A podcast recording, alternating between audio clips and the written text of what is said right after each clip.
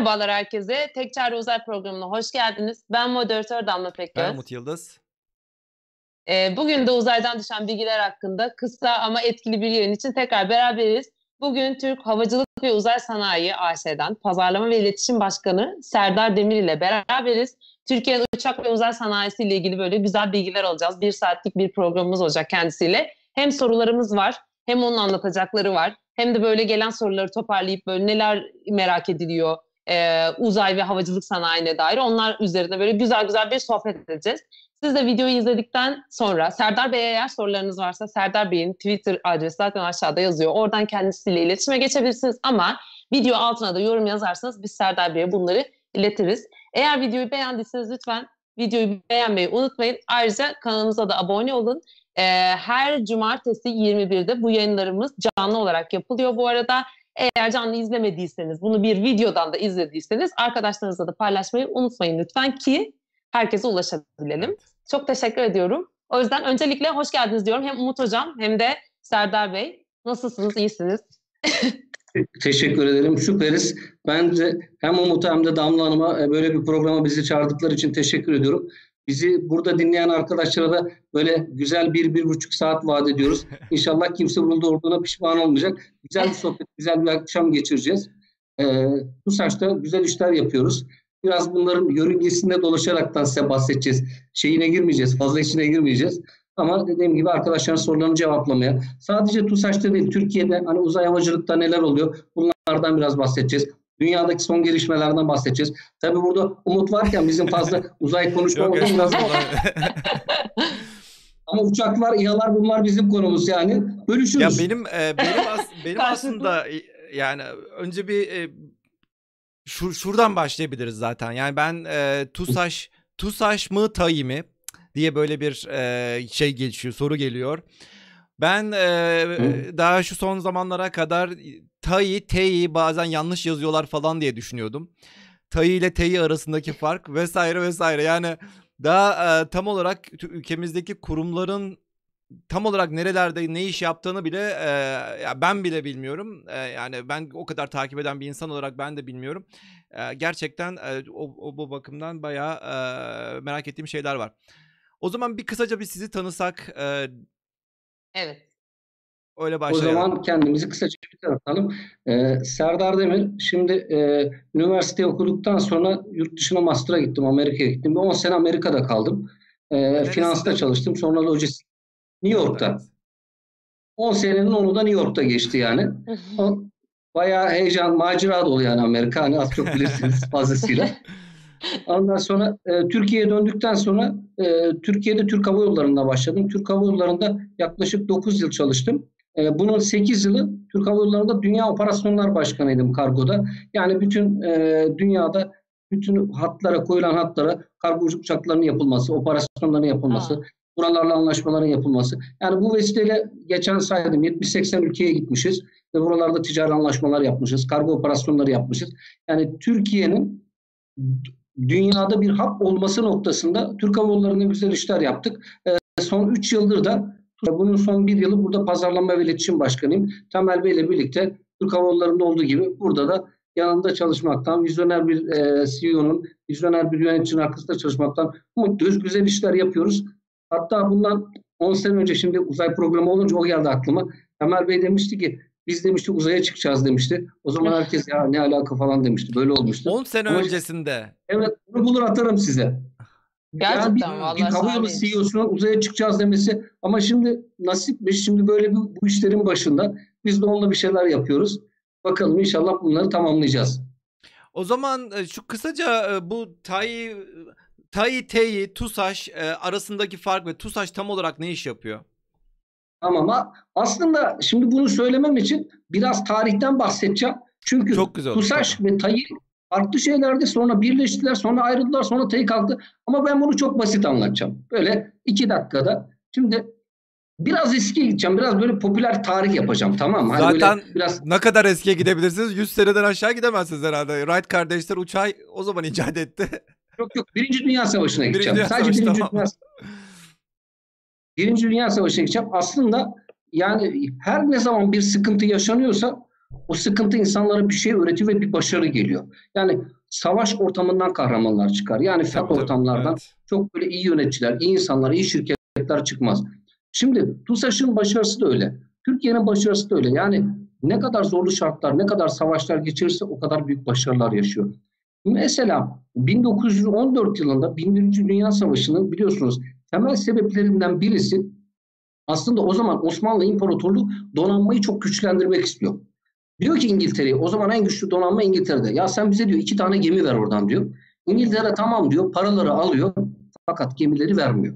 Bu Yavuz Ondan sonra, yok hangisiydi bunlar? Yok gelecek hikaye devamında geliyor. Ha devam. Ondan, ondan sonra ondan sonra bu İngiltere bu gemileri vermeyince tabii İngiltere ile de Almanya'nın arası kötü. Türkiye'ye de Osmanlı İmparatorluğu'na savaş gemisi lazım o zaman. Osmanlı o arada da İngiltere ve Almanya donanmaları çarpışıyor aralarında ve Almanya'dan iki tane gemi kaçıyor. Karadeniz'e kaçıyor. Hmm. Ve bu kaçan gemiler tabii o zamanla Osmanlı ile Almanya'nın arası çok iyi. Bunları diyor ki Türkiye Osmanlı alalım diyor. Ve bu karambolde İngiltere'den alınacak gemiler yerine Almanya'dan o gemiler alınıyor ve o Alman gemileri Türkiye'ye girer Osmanlı İmparatorluğu'na o zamanki girdiği zaman İstanbul'dan e, oradaki mürettebat üstlerini değiştiriyor ve bunlar Türk Osmanlı üniformalarıyla işte biliyorsunuz e, Rus kıyılarını bombalıyorlar ve biz o zaman bunlar tabii Osmanlı bayrağı çekiyor. Alman gemileriyle hani diyoruz işte bizim yerimize Almanlar savaştı. Aslında bu hikaye gerçek. Biz o zaman Almanların Rus kıyılarını bombalamasının neticesinde biz savaşa girmiş oluyoruz. Şimdi bundan nereye geleceğim? Buradan aslında Kıbrıs Barış Harekatı'na geleceğim. Kıbrıs Barış Harekatı'nda da Türkiye yine e, uçak ve gemilere ihtiyacı var. Ve bu Türkiye'nin uçağı ve gemisi var. Fakat Amerika ve İngiltere bunları kullandırmıyor. Çok detaylara girmeyeyim. Ondan sonra Türkiye bu sefer diyor ki bizim o zamanki şeylerimiz ya bunlar senin gemin ama uçağın ama kullanamazsın diyor. O zaman Türkiye şunun farkına varıyor. Kendi yerli ve bir milli sanayimi geliştiremezsem bunları diyor başaramam diyor. Fakat şey yok ki hani o zamanlar bir para yok, bir bütçe yok, bir know-how yok. Nasıl yapılsın?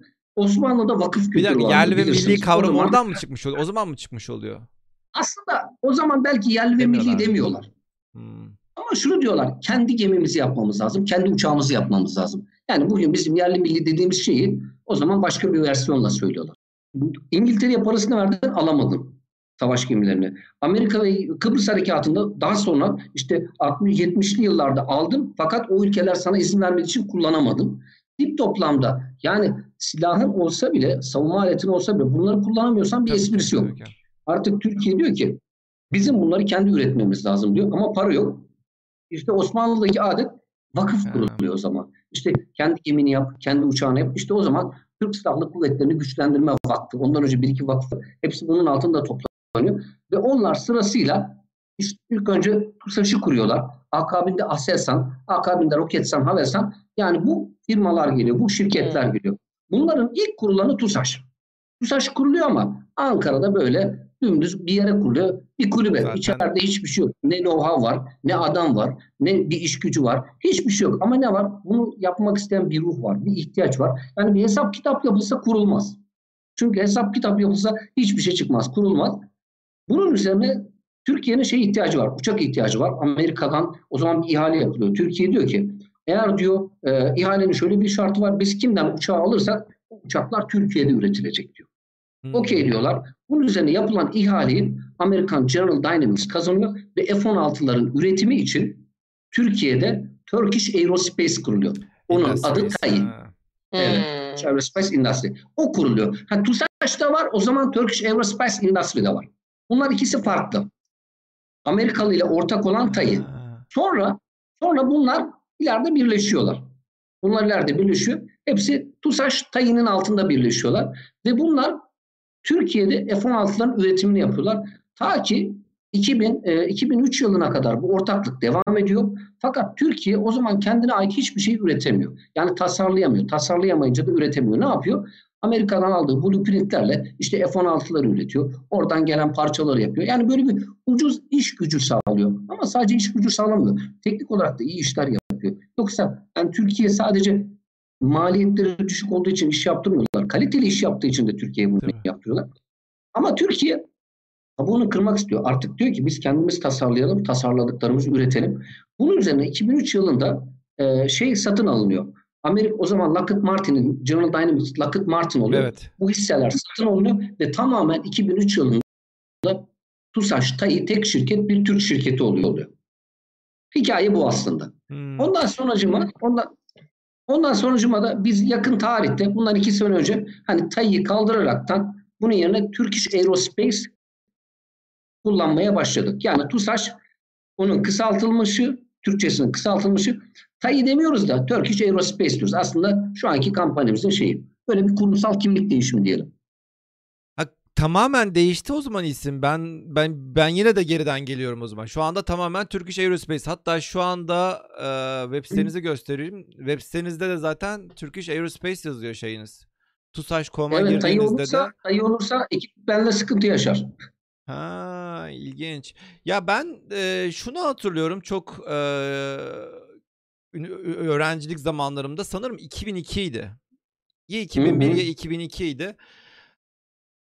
Türkiye'de bir şey e, ne denir? Bir uzay kuvvetleri komutanlığı diye bir şey kurulacaktı o sıralarda. Bununla alakalı ODTÜ'de yani şimdi kuruldu işte Space Force Amerika'da kuruldu da bununla alakalı ODTÜ'de bir e, bir çalıştay gibi bir şey yapılmıştı. Hatta o sırada işte NASA'dan birisi gelmişti. Kim olduğunu bilmiyorum bak şu anda gerçekten bilmiyorum. Birisi gelmişti ve konuş o konuşma falan yapmıştı. Bayağı da kişi gelmişti. Türkiye'deki böyle şeylerden hem askeriyeden hem e, hem sivilden falan bayağı insanlar gelmişti. Orada bir şey birisi çıkışta birisiyle konuşuyorduk. Birisinin cümlesi dikkatimi çekti. Bak üzerinden 20 yıl geçti hala aklımda kaldı. Ya diyor biz aslında e, vaktiyle bu yangın uçakları yapmaya devam etmiş olsaydık şu anda e, çok şu anda kendi uçak şirketlerimiz falan filan zaten e, çok ilerlemiş olurdu. Ama bir zaman geldi Amerika geldi dedi ki bize buyurunuz işte yangın uçakları mı ihtiyacınız var. Buyurun size biz uçağınızı evet. biz verelim. Siz alın siz e, siz hiç uğraşmanıza gerek yok. Biz size bedava veriyoruz. Şimdi doğal olarak böyle bir ortamda da herhalde yani herhangi bir e, yönetici ya bak bu kadar devletin parasını gidip de harcamak yerine sen şey yap der yani değil mi? Sen bedavası veriliyorken bedavayı tercih et derler herhalde. Ve gerçekten öyle bir şey olmuş. Yani bedavası tercih edilmiş ve o anda uçak fabrikaları kapatılmış ve e, öyle bir öyle kalmış, kalmış gitmiş. Yani, yani bir bu, bu dediğiniz tamamen doğru. Fazlası var, eksiği yok.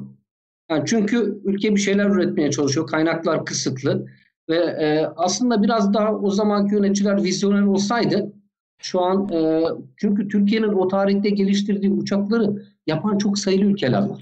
Almanya ile Aynen. yarışıyor Vizyon Türkiye. meselesi çok önemli çünkü ortada bir de şey de var. Yöneticilik bakımından da bir para da var yani. Sonuçta bir taraf bedava evet. veriyor, bir tarafta çok çok yüksek derecede masraf yapmanız gerekiyor diye söyleniyor. Şimdi bir yönetici e, de vizyon yoksa ne der yani ya da vizyon olsa da olmasa da yani halkta para yoksa ki 1900 kaç hangi yıllar bilmiyorum 50'ler 60'lar falan yani.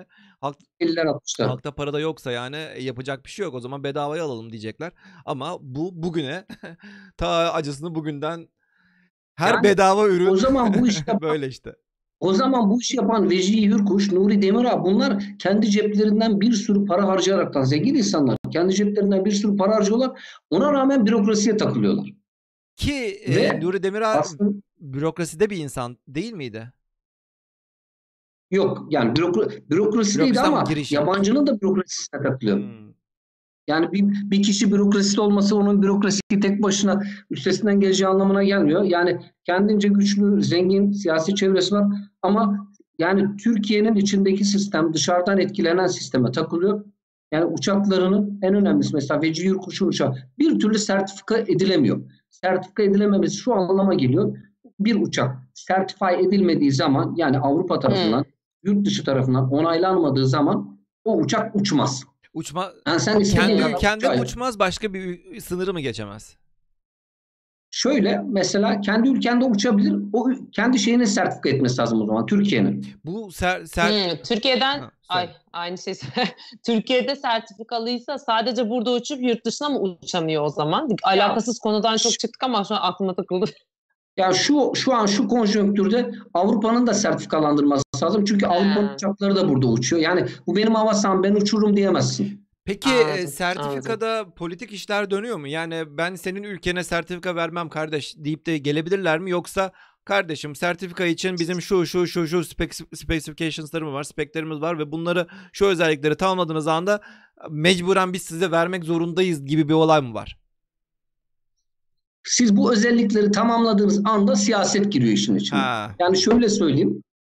Yani e, dip toplamda kendi ülkelerinde çok daha rahat sertifikalandırdıkları ürünleri bizde çok daha fazla zorlu bir şekilde sertifikalandırabiliyorlar. Sonuçta bazı yerlerde tabii her şeyin bir somut bir karşılığı var. Şu olması lazım. Her şey parametrelere dayanıyor. Anlatabildim mi? Ama bir kurul var. Bir sürü safety'nin gerektirdiği gereksinimler var. Ve bunlara yorumlar yapılıyor. Mesela şu an Türkiye AB'ye üye olacak. Ya şunları şunları yap. Bir sürü şeyler geliyor. Yani Türkiye Hürkuş'u ilk defa Türkiye'nin ilk sertifikalı uçağı Hürkuş'tur. Sertifikalandırarak şunu başarmış oldu aslında. Masada da kazanmış oldu. Yani Hmm. uçağı yaparak sahada kazanıyor.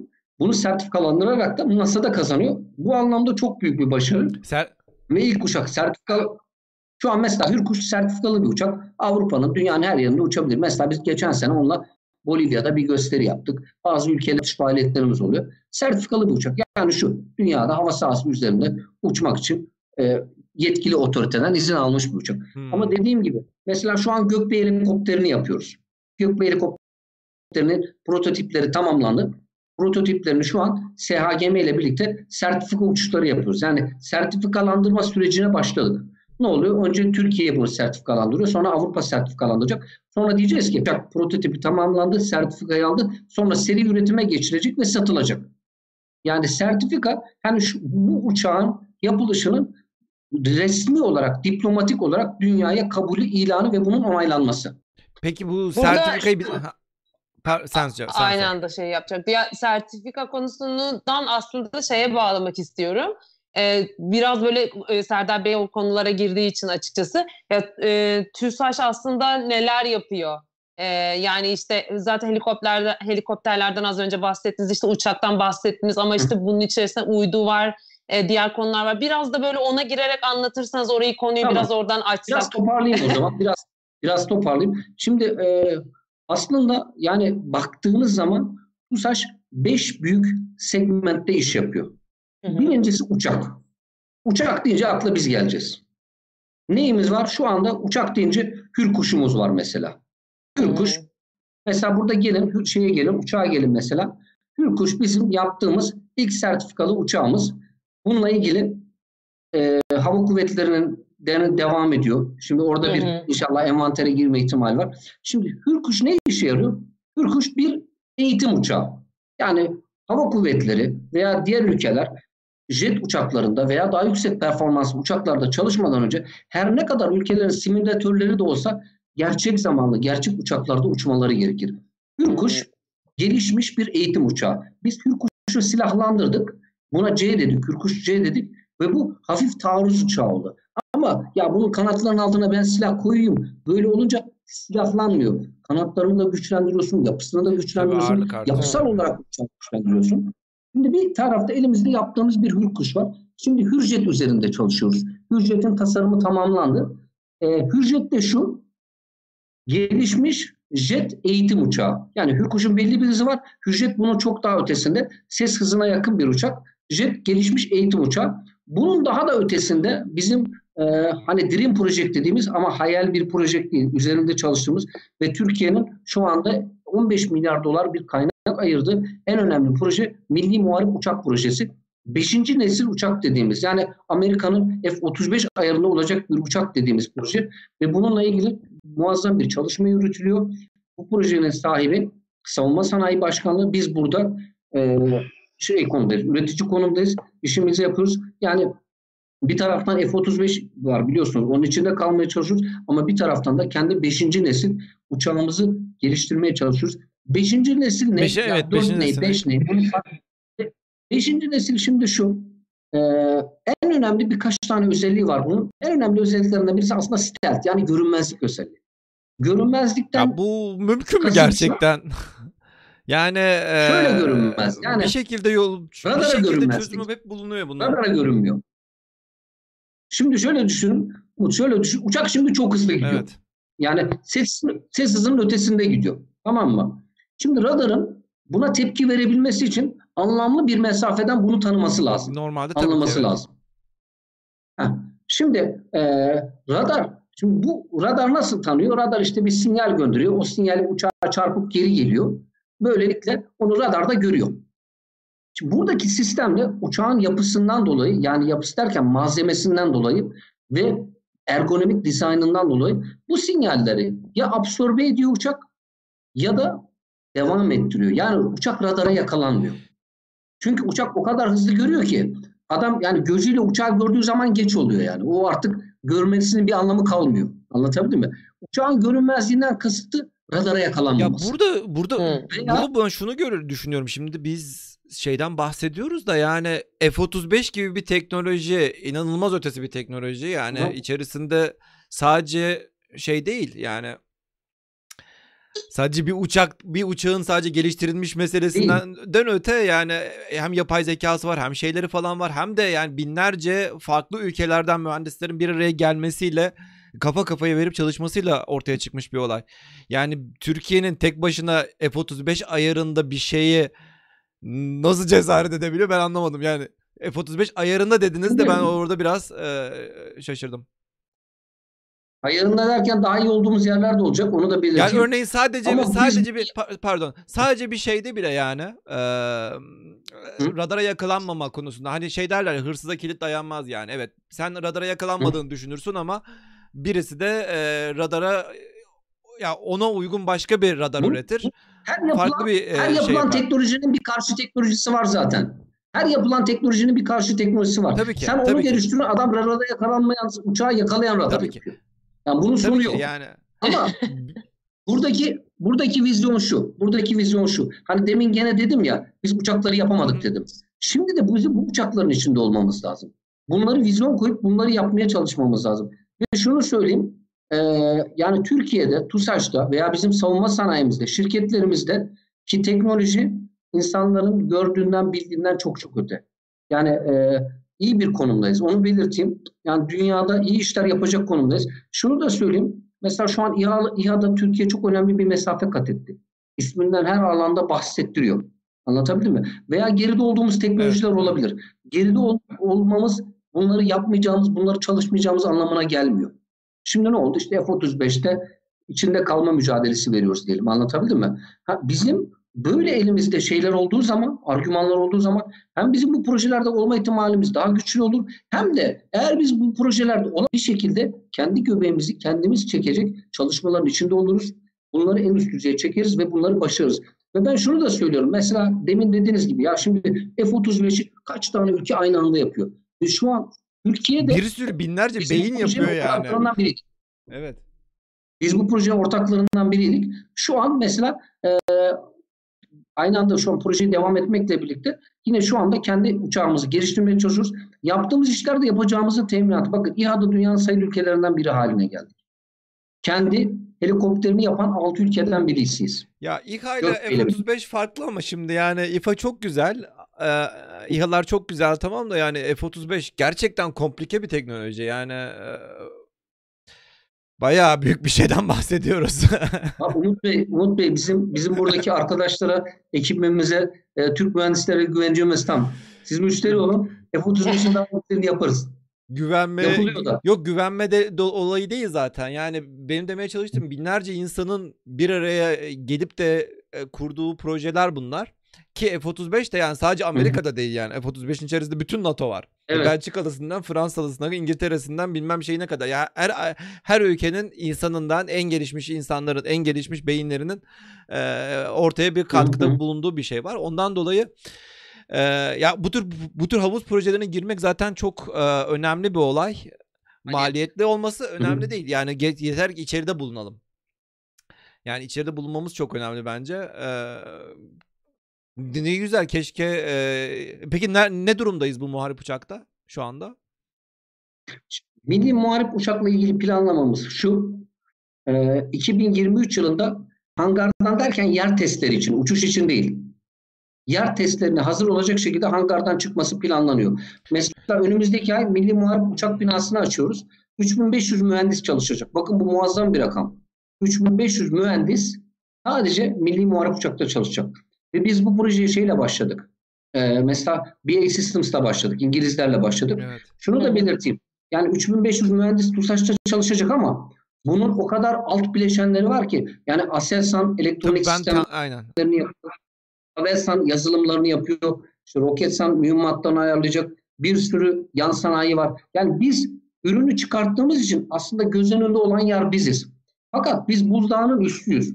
Bizim altımızda yani bizim altımızda derken bizimle beraber diyeyim bir ekip olarak diyeyim kocaman bir ekosistem var. Ve TUSAŞ dediğim gibi o yukarıda gözükmesiyle birlikte gücünü alttaki bu ekosistemden alıyor. Tabii. Yani bu ekosistem çok büyük. Yani sadece bizim 3500 mühendis olacak. 3500 mühendis tekrar söylüyorum. Sadece Milli Muharip Uçak'ta çalışıyor. Muazzam bir rakam. Ve sadece TUSAŞ'ta bu işi yapıyor. Bu, yapacaklar daha doğrusu. Şu an sayımız o kadar değil. Oraya, hedeflenen rakam orası. Bunun haricinde dediğim gibi altta büyük bir ekosistem var. Ve bunu inşallah 2023 yılında uçak şu şekilde çıkacak. Yer testlerini yapmak için çıkacak. Daha uçuşlara geçmeden önce. Ve dediğim gibi mesela yaptığımız olaylar, gökbeyler, İHA'lar, bundan önce yaptığımız işler, başladığımız işler, uydu projeleri bize güç veriyor, bize güven veriyor, bir özgüven veriyor. Demek ki yapabiliyoruz diyoruz. Ha, bir F-35 olur mu? Belki yarın olmaz. Belki bundan bir ay sonra olur. Ve yani bir ay demeyeyim. Demek istediğimi anlatabiliyor muyum? Biz bir şekilde buranın içinde kalmamız lazım. Ama biz bu isterleri hesaplarken yani isterlerden kasım uçağın isterleri bu ayardaki isterler olmasına dikkat ediyoruz. Peki Avrupa ülkelerindeki e, bazı Avrupa ülkeleri de aynı Türkiye gibi düşünüyorlar mı? Yani bizde örneğin bir Fransa da kendi Fransa'nın yerli ve millisini yapmaya çalışıyor mu? Bir de gerçekten tam olarak şu yerli ve milli kavramını e, bir anlatabilir misiniz? Hı? Ne demektir tam olarak? Yani tamam, parça, hep hep şey deniyor işte yerli ve milli deniyor. Ondan sonra hemen haberler çıkıyor. Ya bunun motoru işte Fransa'danmış. Yok bilmem kaportası şuradanmış, bilmem şurası. yani büyük olay, e, aynen. nedir bu yerli ve milli tam olarak? Aslında ben bir ürünün yerli ve milli olması için şu gerekli. Mesela bir, bir, bir şey yapıyorsun, bir ürün yapıyorsun. O ürünün içinde mesela atıyorum bir helikopter yapıyorsun. Helikopterin içinde 1700 tane değişik parça var. 1700 tane Azmış, parça. Az geldi bana şu anda. Ya mesela şöyle atıyorum Hareketli parçalar parça falan. sayıyorum. Umut motoru mesela bir parça sayıyorum. Ha pardon. Evet, bazen tabii. küçük bir parçadır, bazen çok büyük bir parçadır. Anlatabildim mi? Mesela motoru tek bir parça sayıyorum. Şimdi 1700 parça var. Mesela atıyorum veya uçakta bir tane çok meşhur parçalardan birisidir. Bir tane fırlatma koltuğu var. Şimdi sana kaç tane fırlatma koltuğu lazım? Ya bir ülkeye 20 tane fırlatma koltuğu lazım olur. Ama sen bunu son teknolojisini yakalaman için bunu yapan bir tane firma var. Bundan bin tane satıyor adam. Hmm, inanılmaz bir arge, inanılmaz bir para harcıyor. Şimdi sen ne yapmaya çalışıyorsun? Uçağın içindeki veya helikopterin içindeki sana bir tane lazım olan, iki tane lazım olan her şeyi kendin yapmaya çalışıyorsun. Bu çok feasible evet, değil. Bu çok feasible yani. değil. Mantıklı da değil. Burada şunu yapacaksın. Eğer içerideki bu her parçanın, her parçayı sen ikame edebiliyor musun? Veya İstesem mesela yapabilir miyim? Ülke ambargo. Ha, yani ben, ben de bugün bu parça yok ama bunu almamda bir sıkıntı var mı? Hmm. Bu parçayı kolay temin edebilir miyim? Hmm. Bu parçaları düşünmezsin. Anlatabildim mi? Yani bu parçalar dersin ki yani ya bunu bu ülkeden alamazsam bu ülkeden alalım. Yani sonuçta bu parça piyasada kolay bulunan bir parçadır. Kolay bulunan bir ekipmandır. Onun haricinde eğer kritik parçaları, kritik işleri kendin yapıyorsan yani ya bir ambargo, ülke ambargo altında sana hiç parça vermiyoruz. Tamam ona rağmen sen o bütün kritik parçaları kendin yapıyorsan ne kadar ambargo bile olsa diğer parçaları toplayıp bu uçağı bir haline getirebiliyorsan yerli ve milli o zaman yerli ve milli olmuş Ya Amerika'da örneğin yani ha, evet söyleyin siz. Hı. Lütfen. Ya Amerika'da örneğin sonuçta e, bir Boeing olsun, bir e, dediğiniz gibi F-35 olsun hiçbiri Amerikan topraklarındaki bütün parça Amerikan topraklarında üretilmiyor. Amerikan şirketleri Kesinlikle. tarafından üretilmiyor. Yani koskoca Boeing dediğimiz şey de yani Amerikan şirketi dediğimiz desek bile Türkiye'den de e, parça gidiyor yani Boeing'e. E, yani ama bu burada şu şu şu şu anlama geliyor herhalde. Yani Amerika istese desek ya ben bütün dünyadaki bütün dünya bana kapıları kapatsa bile ben Boeing'in bütün parçalarını kendi ülkemdeki şirketlerde istesem ürettirebilirim. O zaman yerli ve milli olmuş oluyor. Biraz zor ama olabilir. Amerika için bile zor bu. Amerika, bu için bile için zor. zor. Tabii. O zaman Şunu Türkiye için ama. zor değil? Türkiye için. Yok her ülke için zor. Her, Her, ülke, için zor. tabii. Bir de şunu belirteyim yani aslında e, bir uçak yapılırken mesela 7 ülkeye bölünüyor. Mesela biz Airbus 400M projesinin ortağıyız. Evet, evet. Meşhur bu büyük kargo Evet. uçak. Yani bunun aslında ortak yapılmasının temel sebeplerinden birisi de şu. Burada inanılmaz büyük bir maliyetler var. Yatırım maliyetleri, yapış maliyetleri. Şimdi bunu satabilmen lazım.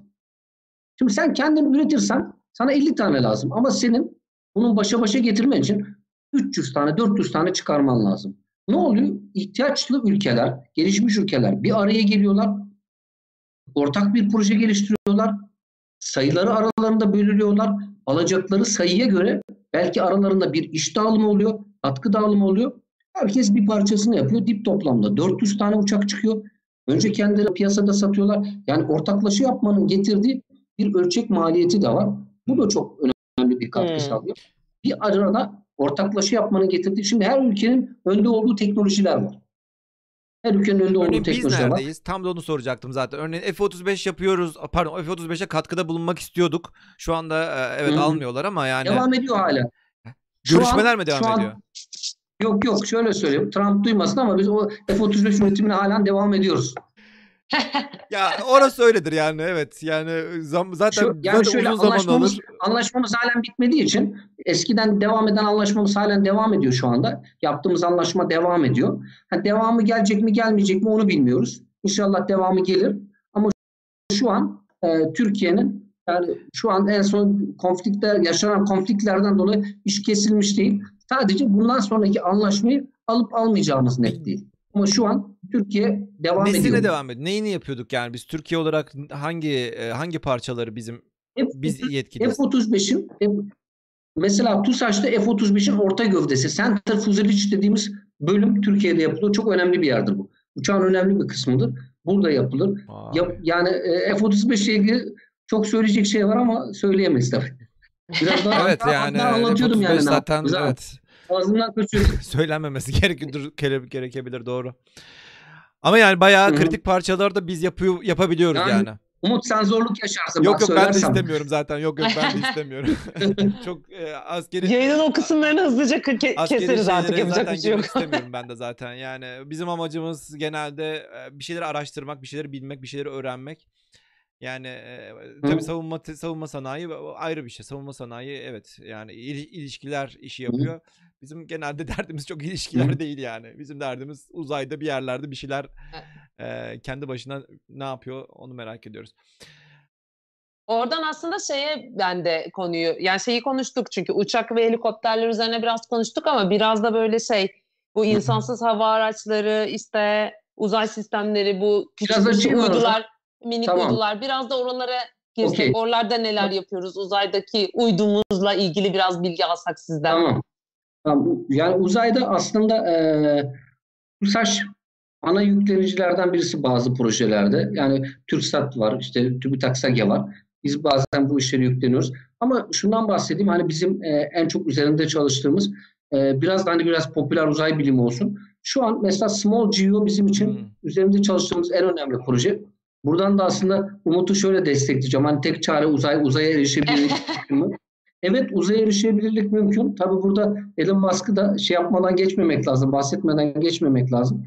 Çünkü Artık özellikle şimdi uydularda müşteri. Müşterisi, Türkiye direkt müşterisi artık Elon Musk'ın. Öyle Elon Musk, Elon Musk böyle şeylerinde falan değiliz yani. Hayali kahraman olarak şey yapmıyoruz yani. Direkt parasını verdiğimiz bir e, iş iş haline Evet. geldi yani Elon Musk. Aynen öyle, aynen öyle. Şimdi şöyle bir durum var. Onun getirdiği en büyük e, hani teknolojilerden birisi maliyetleri çok aşağıya çekti. Getirdiği destructive teknoloji diyelim. Hani böyle yıkıcı teknolojiler diyelim. Maliyetleri çok aşağıya çekti. Bunlardan işte en önemlisi mesela önceden ne yapıyordu? Bir uydu için bir fırlatma oluyordu ve bir roket gidiyordu. Yani şimdi bir uydu için yani bir, bir, Bir roket, roket atıyorsun. Adam roketi 9-10 kere kullanıyor. Bir roketin içinde yani yüze kadar uydu Evet, atabiliyor. Değil mi? Onlarca Yanlış tabii olmasın. onlarca artık. Yani bir Star- Starlink'ler falan Onlarca kaç kaç tane gidiyor bir tek celsede. Şimdi neye geldi? Uydunun maliyetleri, fırlatma maliyetleri baya baya bir düştü. Bunun haricinde şimdi 100 tane atması için senin de uyduyu küçültmen lazım. Daha küçük uyduların olması lazım. Burada da işte bizim small geo'lar gündeme geliyor. Şimdi small geo'nun modern uydudan farkı ne? Şimdi biraz ondan bahsedeyim. Çünkü bu bizim, bu bizim gelişen bir teknolojiye ayak uydurduğumuz bir yer. Normal yani bunlar tabii haberleşme uydularında olan şey. Normalde bunlar 5 e, tona kadar olan uydular aslında. Fakat bu small GEO'da 2 tona kadar düşüyor. Peki aradaki 3, 3 tonu biz nereden kazanıyoruz? Aradaki 3 tonu kazandığımız aslında iki tane yer var. Bir tanesi yani işin en önemlisi itki sistemleri. Evet. evet. Yani uzayda uzayda şimdi bu uydunun gitmesi lazım. Şimdi ne kadar yakıt alırsa o kadar gider. Düz mantık. E şimdi ne kadar yakıt koyarsan o kadar ağır oluyor. O zaman senin ne yapman lazım? Yani minimum yakıtla maksimum gitmen lazım. Hı hı. Burada iyi bir teknoloji olacak. Öyle yeni bir teknoloji olacak ki bunu sağlayacak. Normalde eski haberleşme uydularında hani böyle biraz e, basit anlatayım. Böyle parfüm gibi par, e, şeyi sıkar. E, yakıtı sıkarak böyle pıs pıs diye sıkarak çok az kullanır. Yani bununla birlikte yani bu az yakıtı sıkmayla birlikte bile 15 günde şeye gider. Yörüngeye gider. Zaten yangın söndürücüsü tarzı şeyler kullanılıyor yani küçük küpsatlarla. Aynen öyle. Evet. Şimdi şimdi pıs pısın da artık dibine girmemiz lazım. İyice küçültmemiz lazım. İşte burada kimyasal yerine elektrikli uydu teknolojileri, elektrikli itki sistemleri devreye giriyor. Nedir o da? O da işte e, bizim elektrikli itki sistemlerinde daha şey yerine, kimyasal yerine orada pıs pıs değil yani ben öyle söyledim tabii öyle değil de daha böyle e, molü, e, partikül kullanılıyor. Maddenin dördüncü hali kullanılıyor. Daha ufak bir şekilde, elektrikli bir şekilde orada plazma bir yakıt kullanılıyor diyelim. Bu da nasıl oluyor? 15 günde gitmiyor da 6 ayda gidiyor belki. Biraz daha yavaş gidiyor.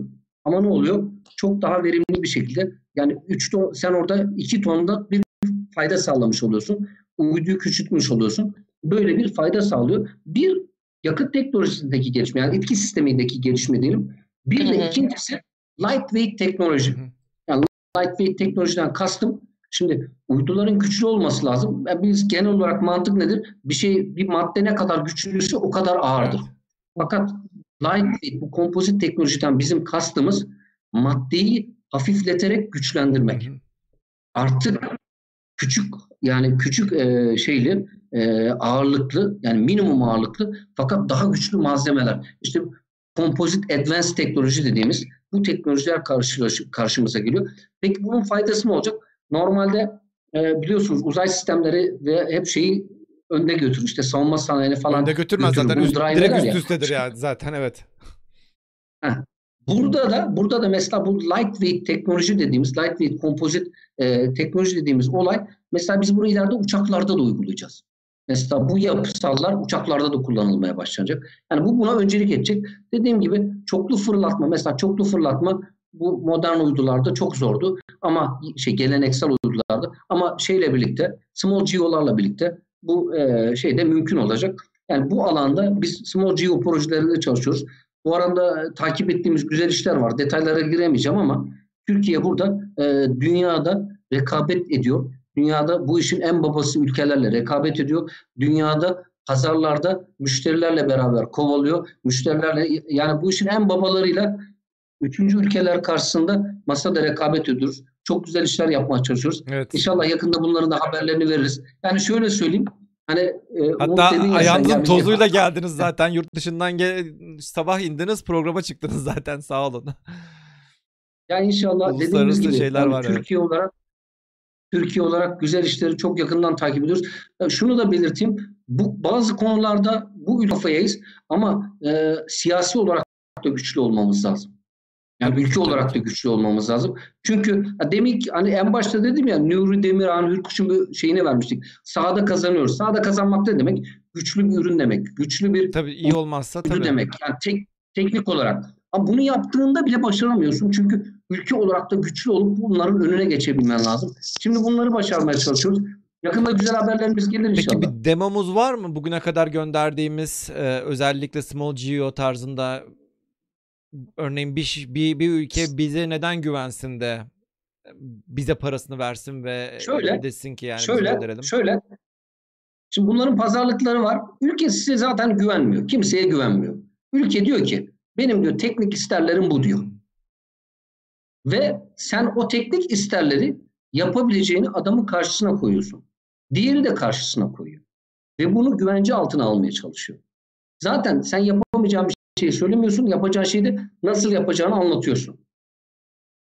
Burada yani şeylerin mi benim şu ta, şu şirketlerim var. Örneğin taşeron şirketler olabiliyor. Türkiye'nin içerisindeki Onu, şu şirketler var. Bunlarla ben ben bunu, bu, bunu yapabilirim, tamamlayabilirim mi diyorsunuz?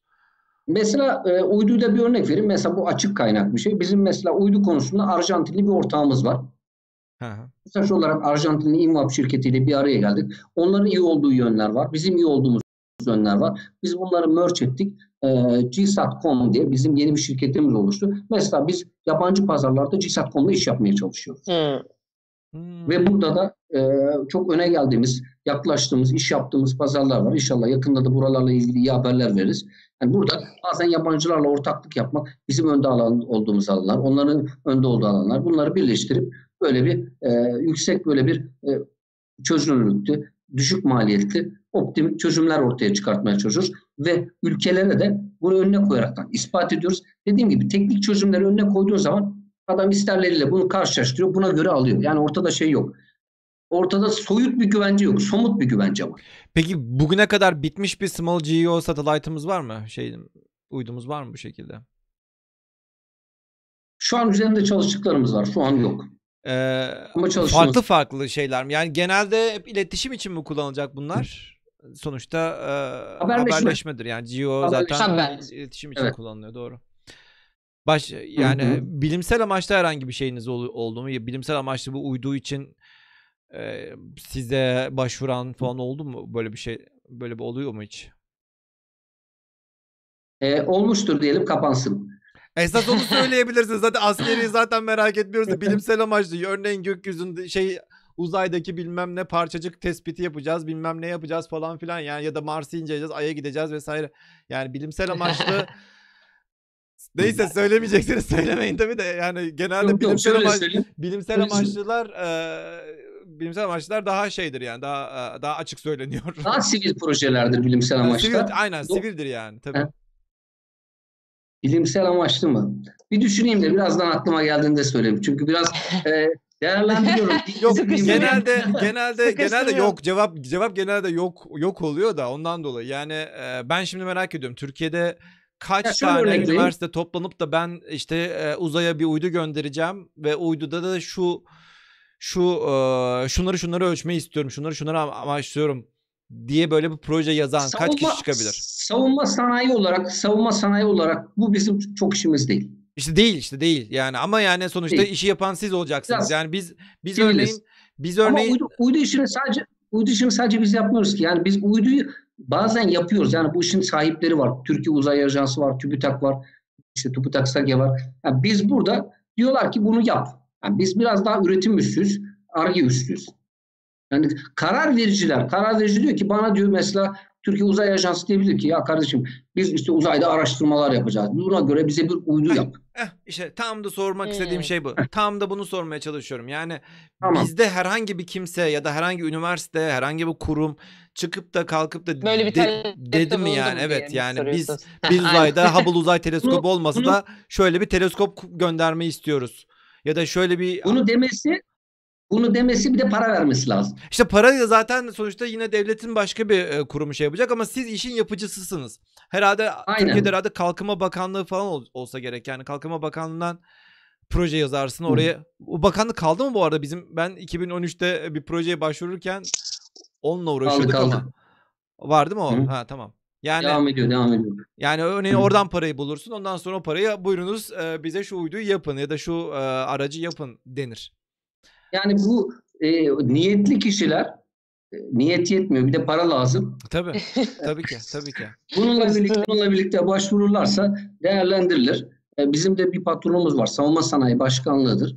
Onların hmm. koordinasyonuyla biz bu işleri götürürüz. Hmm. Evet. Yani uyduda, uyduda dediğim gibi e, savunma alanında veya çok uluslu ülkelerle yapılan işler anlamında çok yeniyiz, çok gençiz.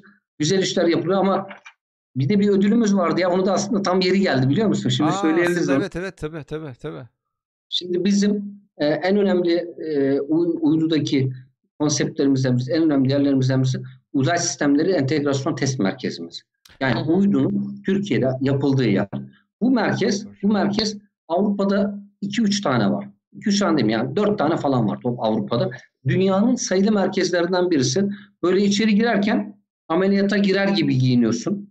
Böyle baştan aşağıya. Ondan sonra böyle e, elektriğin alınıyor. Baya böyle tamamen uzay sistemlerini, uyduları yaptığımız yani binde bir steril ortamlar. Bir uyduyu uzaya göndermeden önceki testlerinin yapıldığı ortamlar. Ee, biz dedik ki buraya bazı arkadaşlarımızı bu programa gelen arkadaşlarımızı şey yapalım dedik. Ee, böyle bir rastgele çekelim. Bu arkadaşlarımızı şey yapalım dedik. Buraya davet edelim. Burada gezdirelim dedik. Şu an e, bir pandemik var ama e, inşallah buradan isimlerini alacağımız arkadaşları biz uzay sistemleri test merkezimize ağırlamak istiyoruz. Onları bir gezdirmek Oo, şahane. Harika. Çok süper bir şey. Ee, burada burada kaç kişi alalım? Yani çok limitli ama şey yapacağım. Ge- 5 kişi var. Gezi bir dakika 5 bizi 10 10 anla 10 anlaşmıştık. 5 kişi de az hocam şimdi 600 kişi izliyor. Buradan 5 kişi Aynen. alırsak çocuklar üzülür ya. Şimdi son son 10 yapalım o zaman. Umut hocam senin için 5 tane de senden alalım. Son 10 Damla, yapalım. Çünkü damla şöyle ama benim ama benim hatırım azıcık da araya gir. Serdar Bey 5 de benim için koysam şey gibi çıkıyor aradan. Hocam ben bir 5 Şimdi, de benim şimdi için şöyle bir yer, koysak. şöyle bir yer. İçerisi gerçekten e, bizim için e, çok önemli, çok narin, çok hassas yerlerden birisi. Ama Hı biz de burayı mümkün olduğunca çok arkadaşı göstermek istiyoruz. E, çok da böyle tur yaptıracağımız böyle e, Evet. iyi bir ortam değil. Anlatabildim mi? Fakat e, biz burada yani cumartesi 9 burada arkadaşlar vaktini harcamışlar. Gelmişler bizi dinliyorlar. Biz e, 20 arkadaşımızı inşallah Tamam, gezdirelim. 20 arkadaşımızı. Şöyle de o zaman nasıl seçelim? Nasıl Nasıl seçelim? seçelim? Heh, söyleyelim. Ya şimdi var ya kazık sorular sormayalım arkadaşlar. güzel güzel soru soralım. Güzel soru Aynen. soralım. Evet ya. Aynen. Benim aklıma şöyle geldi. Dedim ki eee, benim bir Twitter hesabım var. Şimdi ben oradan bir soru açacağım. Hatta soruyu Soruyu da söyleyeyim. söyleyin evet. Soruyu Soruyu da söyleyeyim. söyleyin. Tamam. Eee, soru şu olsun. Herkes uzayla ilgili güzel bir hayalini yazsın. Tek tamam mı? Tek cümle Buna yükleyeceğim. tweet. Aynen. O yani zaman- desin ki kendisini Biz veya tweet- Türkiye Atacak mısınız yoksa sizin son tweetinizin altına mı yazsınlar? Ona göre ben o şimdi- tweet'i ben link atayım. yazıyorum. Ben şimdi yazıyorum. Tamam. ki, Yazın ben de onu chat'e atayım linki. Tamam. Uzayla ilgili hayalin nedir diyorum. Bunun altına yorum yapan her arkadaştan e, biz 20 kişi seçeceğiz. E, bu 20 kişiyi inşallah bu sette ağırlayacağız. Oo şahane. Harika. Ben de kıskandım şu anda ya. ben de göz bir şey söyleyeceğim. Ben de gelebiliyor muyum? Ben de o noktadayım. Bakıyorum böyle. Hocam bir tane de gelip iki tane fotoğraf çektirseydik önünde bari. Yani şöyle arkadaşlar için o gün e, muazzam bir deneyim olacak. Tahmin Çok güzel bir gün olacak. Ben gururunu yaşıyorum. Oraya tabii yabancı heyetler geldi, şeyler geldi. Oradan çıktığımda arkadaş şunu diyecek. Ya diyecek Türkiye'de böyle yerler mi vardı diyecek. Yani Aa, bu süper. ülkenin bir ferdi olmaktan gurur duyacak. Diyecek ki o zaman Umut yapıyorsa ben de yaparım diyecek. Böyle şey olur. Ben de giderim diyecek. Bayağı bir rakip çıkacak yani Umut size. ya valla bizim yayınlarımızın Biz- amacı da biraz o amacımız gerçekten zaten o. ya. Keşke- evet. keşke- Yani Aynen öyle.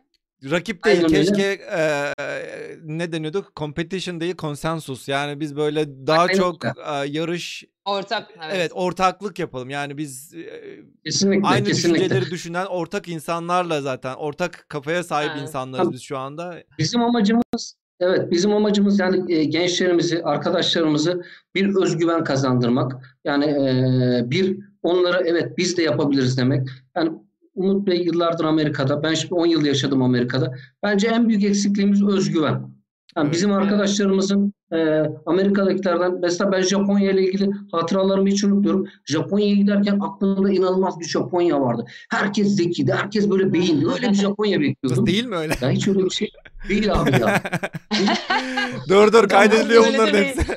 Ben, ben, ben de şimdi. Japonya'yı tweet- sevdi ama şöyle yani herkes her kuralı inanılmaz uyguluyor. Evet, Herkes evet. harbinden inanılmaz bir sistem Evet. var. Yani Japonya'da 2 artı 2 5 ediyor.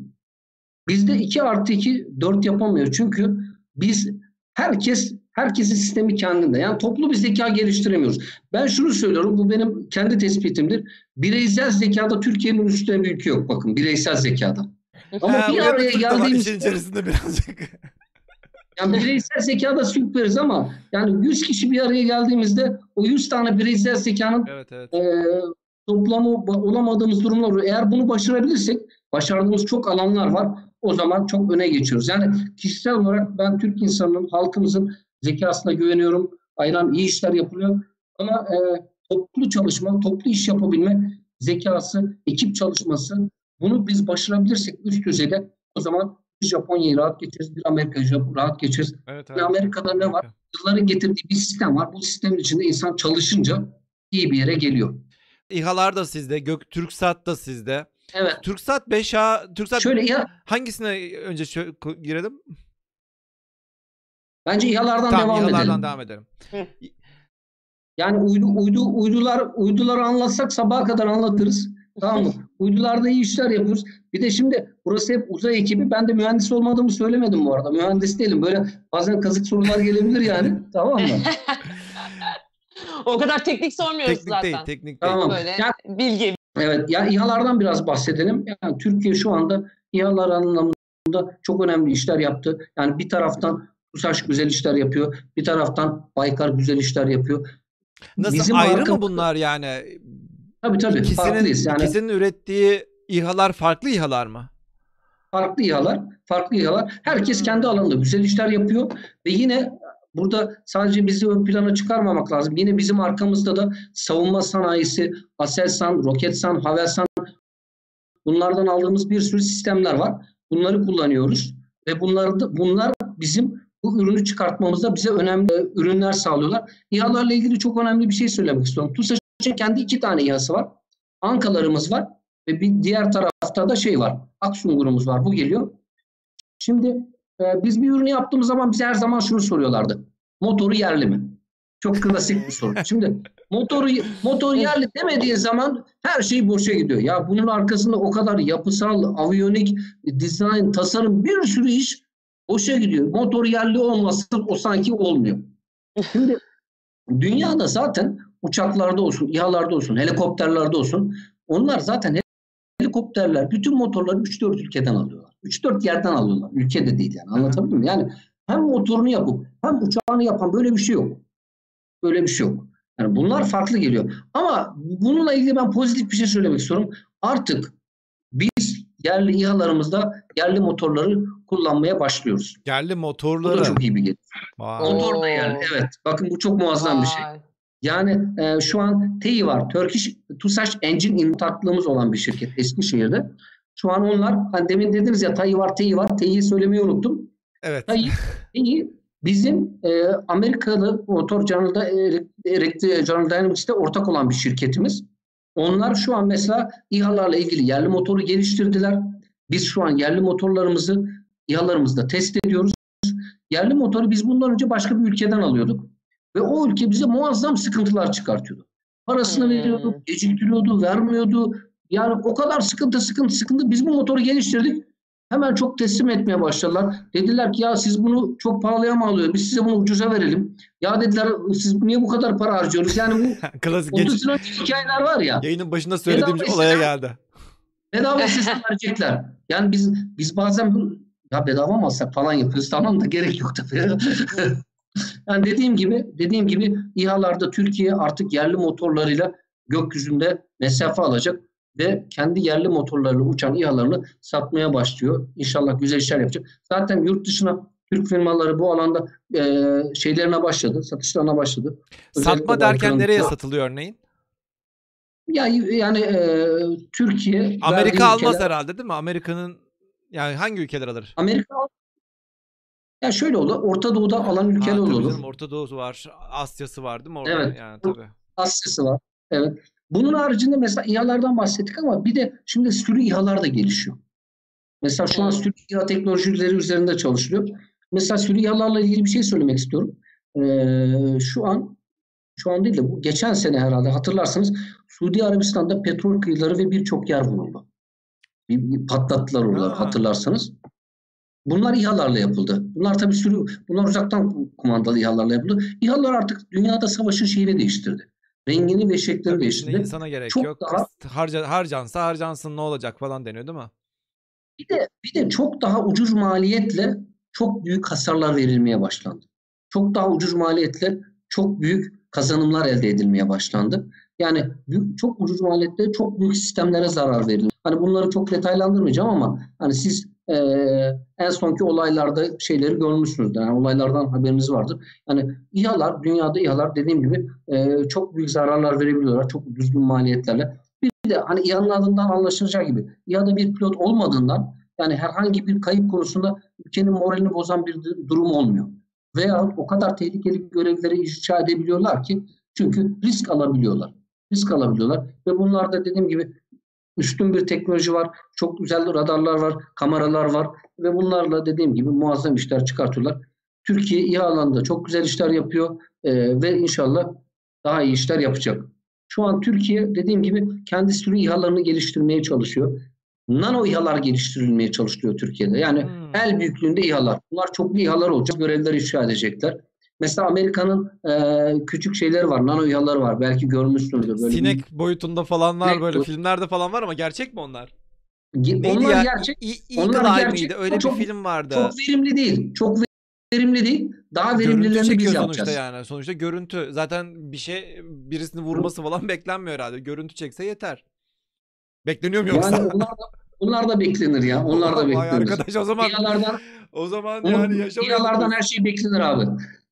O zaman yaşamayalım biz ya. Her an her, her an her şey olabilir yani. Biz şurada otururken Yok yok. bir bakmışız Ee, camdan bizim bize bay bay yapıyor. Ondan sonra bizim amacımız yani bütün ülkemizin amacı güçlü bir savunma için yani savunma sanayimizin caydırıcı bir güç olması.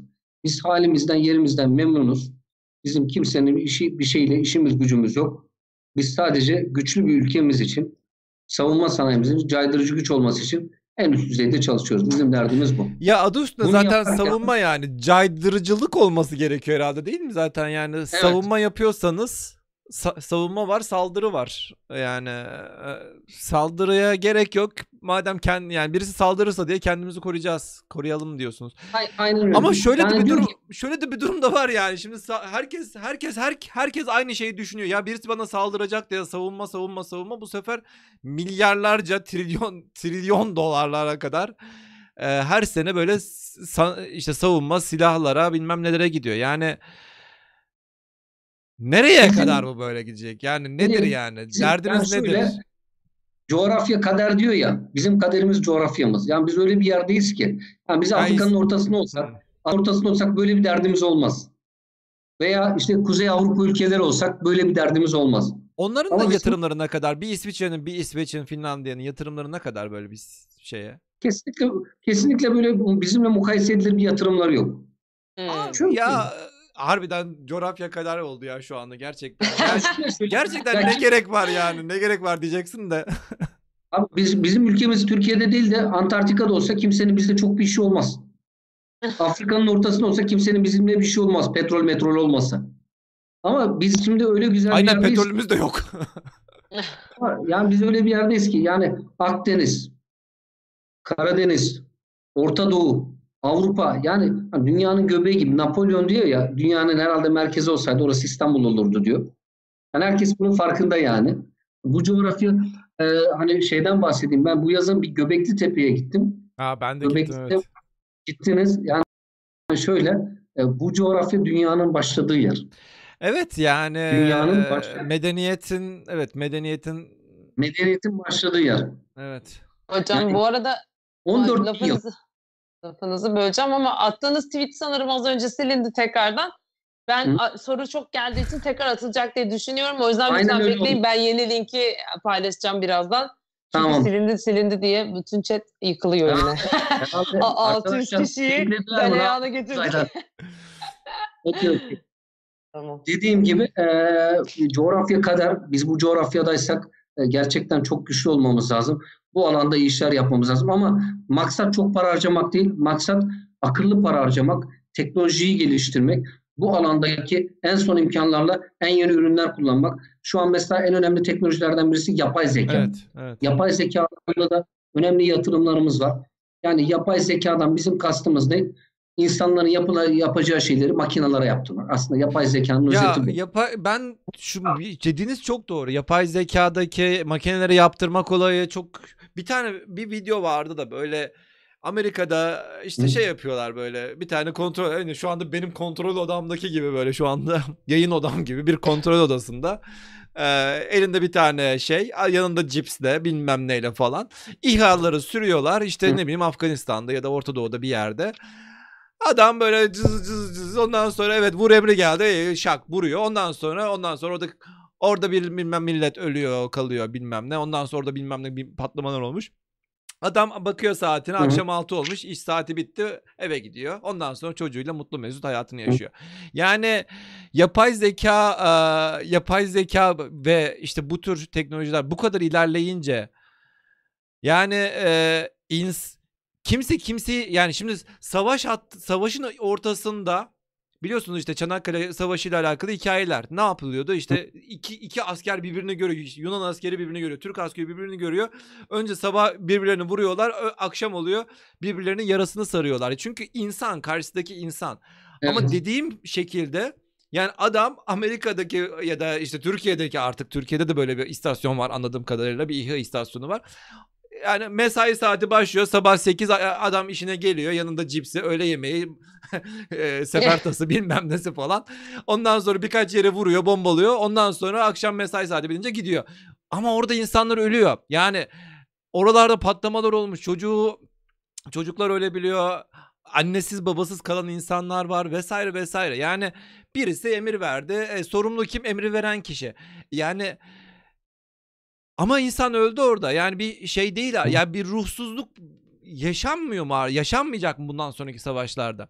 Eskiden dediğim gibi bir ruh vardı yani bir şey vardı insanlar en azından birisini öldürecekse de yani gözüne bakıyordu galiba herhalde bilmiyorum öyle bir savaşa katılacak Şimdi, bir şeyimiz olmadı elbette ki ama. Yani şöyle söyleyeyim e, bizim ülkemizin zaten e, kimle mücadele ettiği belli. Anlatabiliyor muyum? Bizim ülkemizin mücadele ettiği, kimle mücadele ettiği belli. Yani o manada, o manadan çok bir yorum yapmaya gerek yok. E, artık dünyada savaşlar da tamamen şeyden çıkacak. İnsansıza dönecek. Ben bunu düşünüyorum. Yani mesela şu anki uçakların tamamen önümüzdeki sene insansız savaş uçaklarına dönecek. İnsansız denizaltılar geliyor, insansız kara araçları geliyor. Aslında bunlar çarpışacak yani. Zeka çarpışacak. Evet insansız bak, ara, yorumda gelmiş. İnsansız araçlar çarpacak. Avustralya sivilleri öldürmüştü. Askerler tecrübelensin diye Afganistan'da diye bir yorum gelmiş. Yani Çetin doğru mu yanlış mı yazmadığını bilmiyorum elbette ki de. Yani böyle şeyler oluyor. Yani sonuçta Orta Doğu'da e, İHA'lar vızır vızır geziyor yani. Bunlar e, hayatın gerçekleri. Aynen dediğiniz gibi gerçekler de gelecekte bunlar üzerinde olacak. Ama e, bizim, ama bizim yani geri kalmamamız lazım hiçbir teknolojiden. Çok iyi bir noktada olmamız lazım bizim yani e, acınacak duruma düşmememiz için kendimizi geliştirmemiz, güçlü olmamız, güçlü savunma sanayimizin olması lazım ki güç durabilelim, ülkemizi savunalım. Yani bizim önceliğimiz, birinci derdimiz bu. Bu anlamda da dediğim gibi e, olsun, helikopterler olsun, savunma sanayimizin çok güçlü olması lazım. Hani nereden geldik buraya? Aslında yapay zekadan geldik. Yapay zekayı hani biraz birkaç cümle girmek istiyorum da e, yapay zekayı yani sadece e, bu anlamda değil, gelişim anlamında, savunma sanayi gelişim alanında da kullanmak lazım. Mesela üretim alanları, üretim alanlarında kullanıyoruz yapay zekayı. Yani yapay zeka aslında ne yapıyor?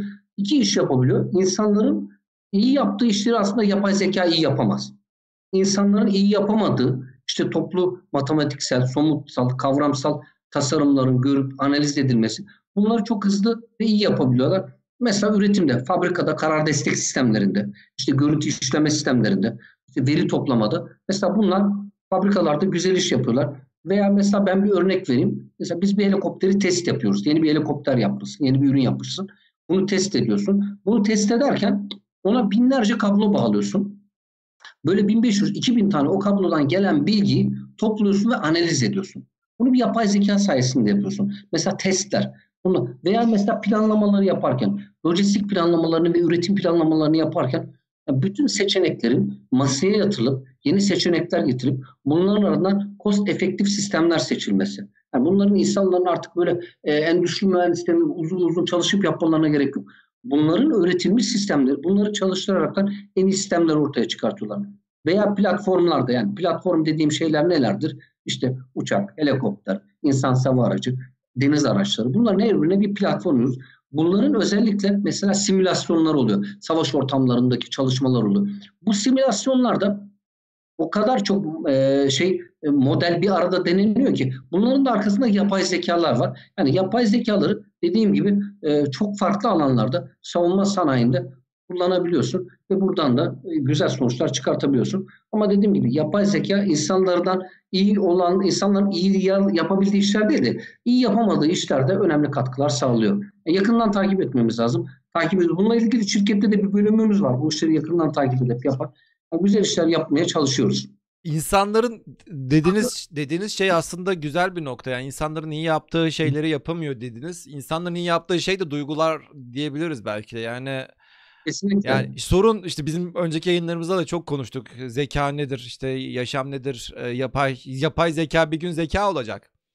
Yani yapay demeyeceğiz. Başına yapay kelimesini de e, silip atacağız. Artık o da zeka olacak. Biz de zeka yani birbirimizle şey yapacağız. Ama eğer dediğim gibi yani biz bizdeki duygudan dolayı örneğin ya e, örneğin tetiği sıkmayabiliyorsun yani karşına geldiği anda. O duyguları nasıl engellenecek? Bütün her şeyi böyle bir yapay zekaya verdiğimiz anda Evet yani işin başındaki insanlar çok başarılı olabilir elbette ki. Benim, Ama ben şöyle yani yapay zekanın nereye gideceği konusunda bazen endişeleniyorum. Korkuyorum yani dünyadaki durumdan dolayı.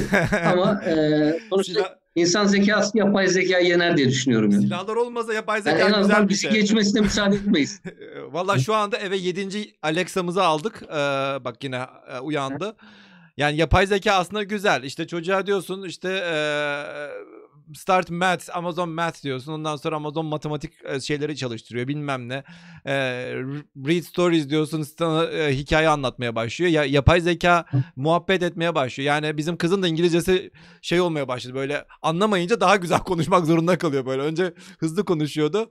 Şimdi e, karşıdaki bir yapay zeka robot sonuçta. Yani sen konuşuyorsun. Anla ya yani bir güzel şeyleri var ama insanların işte bu dediğiniz şeye göre de işte yani özellikle silah teknolojisi yani savunma dediğiniz yine de bir savunma biraz daha defensif bir şey de sonuçta silah teknolojisine yatırım yaptığında ve bütün e, kumandayı da yapay zekaya verdiğinde ondan sonra desek yani şurada e, şu vurulması gerekiyor. Kimden aldın şeyi? Vallahi istatistik olarak hesap yapıldı işte yapay zekada işte %98 öyle işte burası vurulsun dedi. Ondan sonra e, komutan dedi ki yapay zeka bana bunu dedi. Ben de bunu yap bunu izni verdim. Yani e, herkes sorumluluğu bir şeyi atmaya çalışıyor da sorumluluğu yarın yapay zekaya attığımızda yapay zeka da istatistiksel olarak hesap yaptığında e, ne olacak? Ama insanlar ölecek. Benim derdim o birazcık da. insanlar yani, ölüyor neticede. Biz, biz oraya geleceğimizi düşünmüyorum ya. Aa, biz gelmeyiz. Ee, evet çocuklarımız gelecek. Yani bizim Ama şöyle, yani, yani, torun demiyorum çocuklarımız diyorum. Ço- çocuklarımızın çağında olabileceğini düşünüyorum artık bunların. Yani şöyle e, dünya bunu bir şekilde götürüyor. Yani bunun dışında kalamayız. Bunun dışında kalamayız. Yani önemli olan teknolojiyi faydamıza kullanabilmek.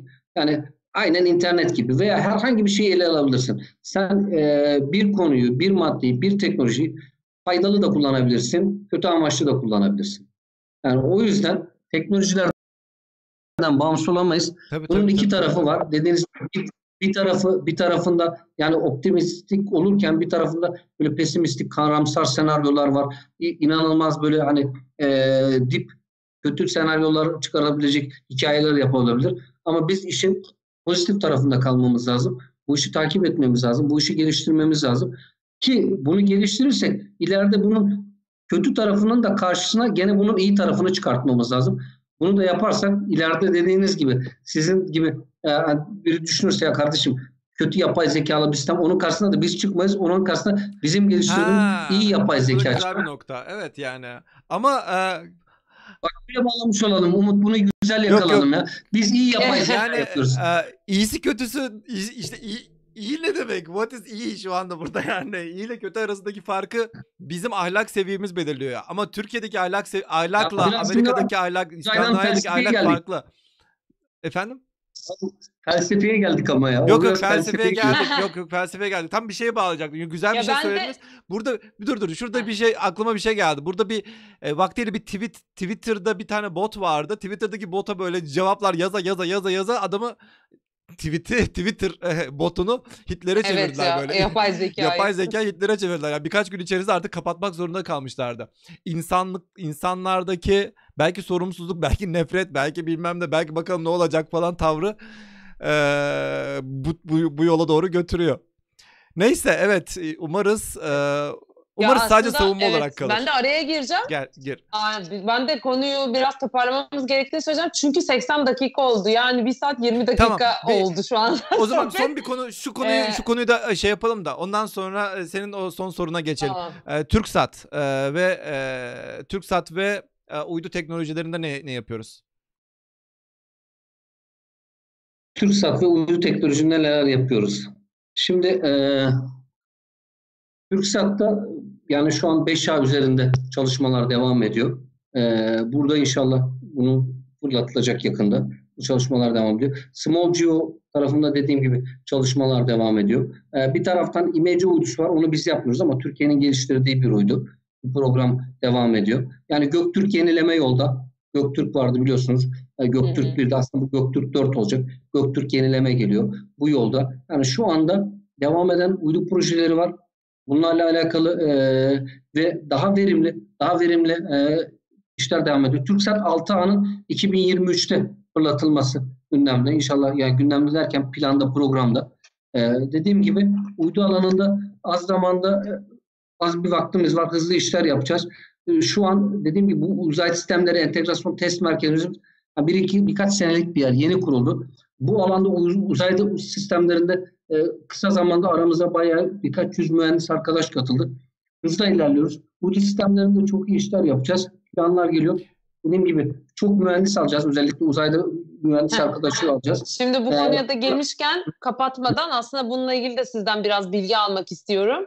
Ee, böyle bu konu kalsın diye çünkü çok sorulan bir şey aslında. Biraz böyle sizi insan kaynakları süreciniz nasıl ilerliyor? Staj yapmak isteyen arkadaşlar varsa ya da başvurmak isteyen mühendis arkadaşlar varsa aslında web sitenizde ben gördüm insan kaynakları bölümünüzü. Ama biraz böyle o süreçlerden de bir minik böyle kapatmadan Kesinlikle, bahsederseniz eğer kesinlikle. yönlendirelim arkadaşlarımız. Şimdi- Çünkü en çok chatte gelen sorulardan birisi de oydu. Staja nasıl başvururum, işte mühendisim, uzay uçak mühendisiyim nasıl Evet. başvururum şeklinde. Onları da biraz böyle yönlendirelim. Süper olur. Şimdi e, TUSAŞ'ta ben e, işe alımda ilk başta geldiğimde orada da çalışmıştım. O zaman şöyle bir program hayata geçirmiştik ve çok da güzel oldu. E, biz istedik ki yani TUSAŞ'ta Türkiye'nin Anadolu'nun her yerinden arkadaşlarımız staj yapsın. Hı hı. Yani genelde hani e, yapısı gereği işte Ankara, İstanbul yani Türkiye'nin e, daha ziyade işte top 5'inden veya top 10'undan arkadaşlar bu imkanlardan faydalanabiliyordu.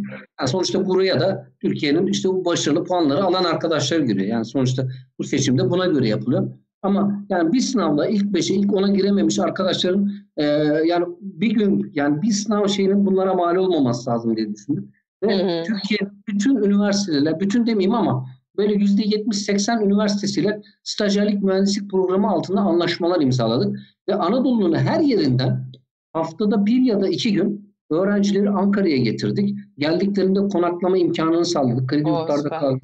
Bunları karşıladık. Ceplerine harçlık verdik. Yol paralarını verdik. Yani böyle arkadaşlar bizim Sky dediğimiz programla haftada e, bir ile üç gün arasında günlerini şeyde geçirdiler. E, TUSAŞ'ta geçirdiler. Fakat bu ve bin tane arkadaşımızı staj yaptırdık. Bakın bu muazzam bir sayı. Bin kişi. Ve bunun içinde Şahane. Bunun içinde yani Antep'ten, Trabzon'dan, Konya'dan, Türkiye'nin her yerinden düşün çocuk bir gün haftadan bir gün Antep'ten Ankara'ya geliyor staj yapıp gidiyor. Konya'dan geliyor, Trabzon'dan geliyor, İzmir'den geliyor, işte Adana'dan Bayağı geliyor. büyük operasyonmuş bu arada. Çok büyük bir operasyon, çok büyük lojistik ve herkes memnundu. Ee, bu sene, bu sene malum pandemiden dolayı bu stajları Hmm. yaptıramadık. Ha, tabii. Çünkü biz kendi çalışanlarımıza bile dedik ki artık işe gelmeyin dedik. Yarıya böldük. Şimdi böyle bir ortamda projeleri götüren insanların bile hani limited saatlerde çalıştığı bir ortamda yani o arkadaşları bu Hiç riskin kolay değil içine tabii. alamadık. Evet ama inşallah bu programa devam edeceğiz. Stajlarımıza devam edeceğiz. Geçen sene 1000 yapmıştık. Belki ondan sonra 1500 yapacağız. 2000 yapacağız. Vizyoner genç üzerinden başvurular yapılıyor. Önümüzdeki sene inşallah tekrar devam edeceğiz. Ee, zaten bizim web sayfa bangır bağırıyoruz. Başvurun diyoruz, gelin diyoruz. Yani e, binin üzerinde arkadaşımızı TUSAŞ'ta staj yaptıracağız. Ürünlerimizi göstereceğiz. Böyle abileriyle, ablalarla, mühendislerle beraber çalışacaklar. Biz onları böyle saracağız, kuracağız, kovalayacağız. Yani böyle güzel güzel işler yapacağız onlarla. Bunların işlerinden de böyle çok cevval gördüğümüz arkadaşları da kadromuza katıyoruz. İlk staj programımızda yani staj yapanların yüzde kırkı, yüzde ellisi bu saçta işe başladı. Düşün. Aa, Muazzam bir şey. Bayağı iyiymiş bu arada Muazzam gerçekten. bir şey. Yani evet. ben ben e, eski zamanlarından biraz az çok biliyorum da yani eski zamanlarında biraz daha böyle ODTÜ, İTÜ e, şeyi var, önceliği falan vardı. O da büyük ihtimalle zaten var olan mühendisler ODTÜ İTÜ'lüdür. Ondan onlar da ya biz bu e, kendi o zamanlar kendi üniversitemizin nasıl evet. eğittiğini biliyoruz. E, iyi üniversitedir falan deyip kendi arkadaş arkadaş değil mi? Kendi e, klan diyeyim hatta yani kendi klanından insanları Ben şöyle söyleyeyim. Şu anda e, o, o, o kalktı diyorsunuz. Yani şöyle ya gene gene bizim bu üniversitelerden aldığımız öğrencilerin sayısı görece fazla şey olabilir. Ee, olabilir. Yani sayısı fazla olabilir ama dip toplamda bizim yani bu zamana kadar hiç almadığımız üniversitelerden de başarılı arkadaşlar kadromuza katıyoruz. Şu an mesela yeni bir şey daha getirmeye çalışıyoruz. Ben hep şunu söylüyorum genç arkadaşlarıma. Diyorum ki projelerin içerisinde olun. Mesela hmm. Teknofest güzel bir ortam. Evet. Veya yani, her zaman diyoruz biz her zaman her yayında bunu diyoruz. Avrupa'daki Amerika'daki evet projelerin içerisinde olun. Bu yayınlarda galiba bizim en çok söylediğimiz şeylerden bir tanesi sürekli olarak bu arkadaşlarımızı genç lise ve üniversitedeki arkadaşlarımız sürekli olarak projelere yönlendirmek. Hatta burada gelen herkese de soruyoruz. Açık bir proje var mı? Can, yani işte atıyorum online bir proje var mı? Duyurabileceğiniz arkadaşların bizim gözümüzden kaçmıştır. Çünkü ben de gördükçe işte atıyorum Twitter'dan paylaşıyorum ya da başka bir yerden paylaşıyorum. Ama zaten en kıymetli şey aslında bu proje kısmı. O yüzden bir kere daha sizden duymak bence çok iyi oldu. Çünkü chatte de bununla ilgili sorular yine Kesinlikle. vardı. Yani bir arkadaş ODTÜ'ye, İTÜ'ye veya çok iyi bir üniversiteye girmemiş olabilir. Ama projelerin içinde olur. Kendini kanıtlar. Bu projelerle kendini ispatlar. Biz bu arkadaşları yani çok düşük ortalamalı, çok e, hani böyle top üniversitelerde olmasa bile kendi bünyemize kattık. Ama bunlar dediğim gibi projelerde kendilerini ispatlamış arkadaşlar. Evet. Yani bu arkadaş buraya girdiği zaman çok fark evet, ediyor. Evet. Çok güzel, çok güzel. Fark ediyor. Yani e, biz bu arkadaşı alırken evet diyoruz bu ODTÜ İTÜ değil ama gururla bunu alıyoruz. O içeride bir fark yaratıyor. Dediğim gibi yani e, 1-0 e, arkadan başlayabiliriz ama arkadaşlar Türkiye'nin comebackleri çok meşhur yani. Arkadan gelmeye gayret eden her türlü gelir. Finale kadar gider yani. Zaten e, her zaman gençlere ihtiyaç var zaten. Bizim ya, biz de geç anlamda. biz de geçen de konuk etmiştik zaten şeyleri. E, Grizu e, 260 grubu vardı. E, Zonguldak grubu. Hı hı. Onların da o takımdan da herhalde size staj olarak başladı herhalde ve şu anda çalışmaya Ay, evet, başladılar değil aynen. mi? Grizu ekibi. Grizu'nun hikayesini anlatayım mı aslında? Arkadaşları çok seviyorum da anlatmayacaktım ama Şimdi Biz program yaptık arkadaş... onlarla anlatabilirsiniz. evet evet biz onlarla konu aldık beraber. Zonguldak'tan beni bir tanıdığım aradı. Dedi ki abi bu Grizu takımı çok iyi al şunu bu falan anlatıyor yani. Ben de diyorum herhalde diyorum bir arkadaş var işe almam için yardımcı oluyor falan diyorum. O zaman işe alımdayım. Hangi üniversite dedim? Ya diyor Bülent Ecevit Üniversitesi ama çok iyi işler yapıyorlar diyor. Tamam dedim ben yardımcı olacağım dedim. Tamam mı? Tabii e, bayağı bir şey geçti, vakit geçti. Sonra baktık çocuklar başarılı. Hemen dedik bunlarla bir iletişime geçelim. İletişime geçip çok güzel işler yapıyorlar, başarıyorlar. Ve dersleri de çok kötü. evet. Muazzam kötü. bu, işte yani, buyurun. bu, ama yaptıkları işler muazzam iyi işler. İlk toplamda dediğimiz gibi e, bu arkadaşların bu başarılı proje onları alırken gurur duyduk. Çok güzel işlere imza atıyorlar. Ben onlara şunu da söyledim. E, siz sadece Zonguldak'ın değil Türkiye'nin umudu oldunuz dedim. Yani Diyarbakır'daki, Anadolu'daki, işte her yerdeki arkadaşlar sizi görünce dedi ki biz de yapabiliriz dedi. Yani siz aslında burada çok evet, büyük evet. umut kaynağı oldunuz. Bu, bunu başardınız dedim. İnşallah bunu devam ettirsin dedim. Güzel işler yapıyorlar. Ve devam ee, ettiriyorlar. Evet. Beraber, evet, beraber, evet. beraberiz, beraber çalışıyoruz inşallah arkadaşlarla. Zaten yani dediğim gibi pardon. Evet. Geruze ekibinden selam söylüyorlar Serdar hocam bu arada. Zaten ha, selam. zaten zaten e, bir, bir iki hafta kaldı herhalde. Tam tarihi hatırlamıyorum. Zaten chatten de gelir herhalde. Evet, bir iki doğru. hafta sonra da onların uydusu uzaya fırlatılacak. Bu arada bu, bu haberi de vermiş oldum. Evet. Evet. Takipte evet. zaten bütün chat diye düşünüyorum ekstradan ama e, biz, biz yine ben de takipteyim. Her gün her gün e, bakıyorum onlara da e, bir update yani böyle bir gelişme olduğunda da paylaşacağız ama şey konuk da aldık gerçekten Çok iyi bir ekip. Ne yapmak istediğini de çok iyi bilen bir ekip. O yüzden ben dedim öğrenciler için de çok önemli bence. Bu takımların sayılarının artması lazım. Ben evet, de o zaman şu, şunu söyleyeyim. Ee, bir e, şu anda Fuji Film'le beraber bir e, bir proje gerçekleştiriyor. Karga Karga diye bir grup var. Ee, bu Türkiye in, Türkiye İnovasyon Haftası değil. TİM, Türkiye İhracatçılar Meclisi ile beraber İnovatim, e, İnovatim'le beraber bir e, bir proje gerçekleştiriliyor ve işte orada böyle sunumlar şey e, orada böyle projeler farklı farklı projeler üretilecek. Hatta ben de mentorluğunu yapacağım. Daha yeni e, şey Aa, daha süper. yeni onun e, storiesini attım. Böyle projeler oldu, oldu lütfen katılın düşünün. Yani ne kadar çok düşünürseniz, ne kadar böyle, böyle projelere katılırsanız bakın işte Serdar Bey'in dediği gibi bizim de daha önceden defalarca söylediğimiz gibi bu projeler sayesinde dersleriniz çok kötü olsa bile benim de aynıydım yani ben de aynı böyle bir e, öğrenciydim. Yani okulu geçmeleri lazım. Okulu bitireceksiniz evet. Orası öyle. Okul bitecek. Önce. Önce bir okul bitecek. Evet. Okay. E, Zonguldak'taki takımın adı Grizzly 263. E, şeyden Şimdi bulabilirsiniz. Şimdi ben tweet hesabını e, Twitter'dan atıyorum. bulabilirsiniz. Evet. E, yani Öyle staja staja gelebiliriz. E, evet. Her her projeler türlü. önemli. Projeler Staj için başvuralım. Şimdilik Unut biraz kardeşim siz işe de alırız yani. Staj değil işe de alırız. evet ya bu arada onu da soruyorlardı. Evet, işte ne tarz alanlardan e, hangi alanlardan işte mühendisliklerden başvuru alıyorsunuz şeklinde bir de ufak oradan da bilgi verirseniz o da bir bilgi olarak kalsın yayınımızda. Tamam. Onu da bilgi vereyim. Aslında e, bizim kendi e, web sitemize girdiğimiz zaman orada İK sayfasında detaylı olarak da hangi uzmanlık alanlarında aldığımız var. Hatta e, projeler şimdi e, şöyle söyleyeyim o kadar spesifik projeler, o kadar detay projeler var ki yani uzun, biraz daha uzmanlık alanlarından arkadaşlar bakılmıyor. Yani biraz daha derin uzmanlıklar hmm. istenebiliyor. Ama şimdi genç arkadaşlarımız tabii derin uzmanlıkları olmayabilir. Yani sonuçta bir mezun belli bir şeyde olabilir. Ben bu arkadaşlara tavsiyem birkaç tane de tavsiye vermek istiyorum ama önce şunu söyleyeyim. İş ilanlarımız genel olaraktan e, web sayfamızda detaylı olarak belirtiliyor. Yani ben burada şu mühendis lazım, bu mühendis lazım diye teker teker saymayayım ama hı hı. ayda bir de update ediliyor. Buradan arkadaşlar şeyi takip edebilirler, iş ilanlarını takip edebilirler. Yani krize rağmen biz hala büyüyoruz. Şöyle örnek vereyim. Son 3 senede TUSAŞ 5 bin kişiden 10 bin kişiye çıktı.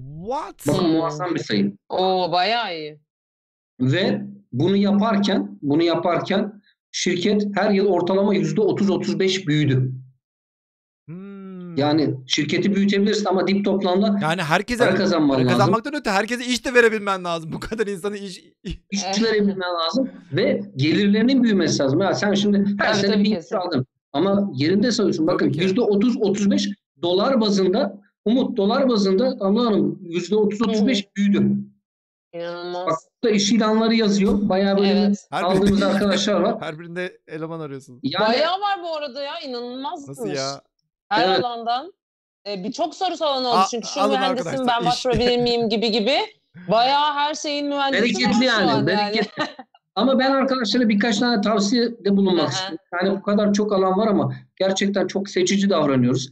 Yani e, çok dikkatli, çok hassas testlerden geçiyor arkadaşlar, şeylerden geçiyor. Yani mesela bir uyduyu gönderiyorsunuz, 10 sene gelmiyor yani uydu. Daha doğrusu hiç geri gelmiyor.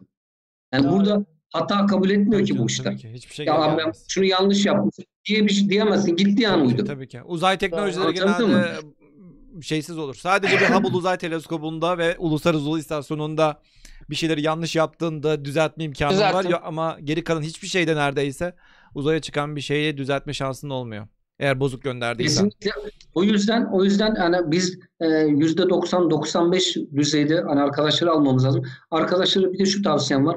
E, yabancı dilleri herkesin çok iyi geliştirmesi yani, lazım. Zahmet olmazsa yani. yine yine geldik bu konuya. Ya bu şart yani. Bir de yani şu an artık bir sürü Netflix var, kanallar var. Yani gerçekten e, e, buna ulaşmak çok daha rahat. Gerçekten gayret etmek lazım.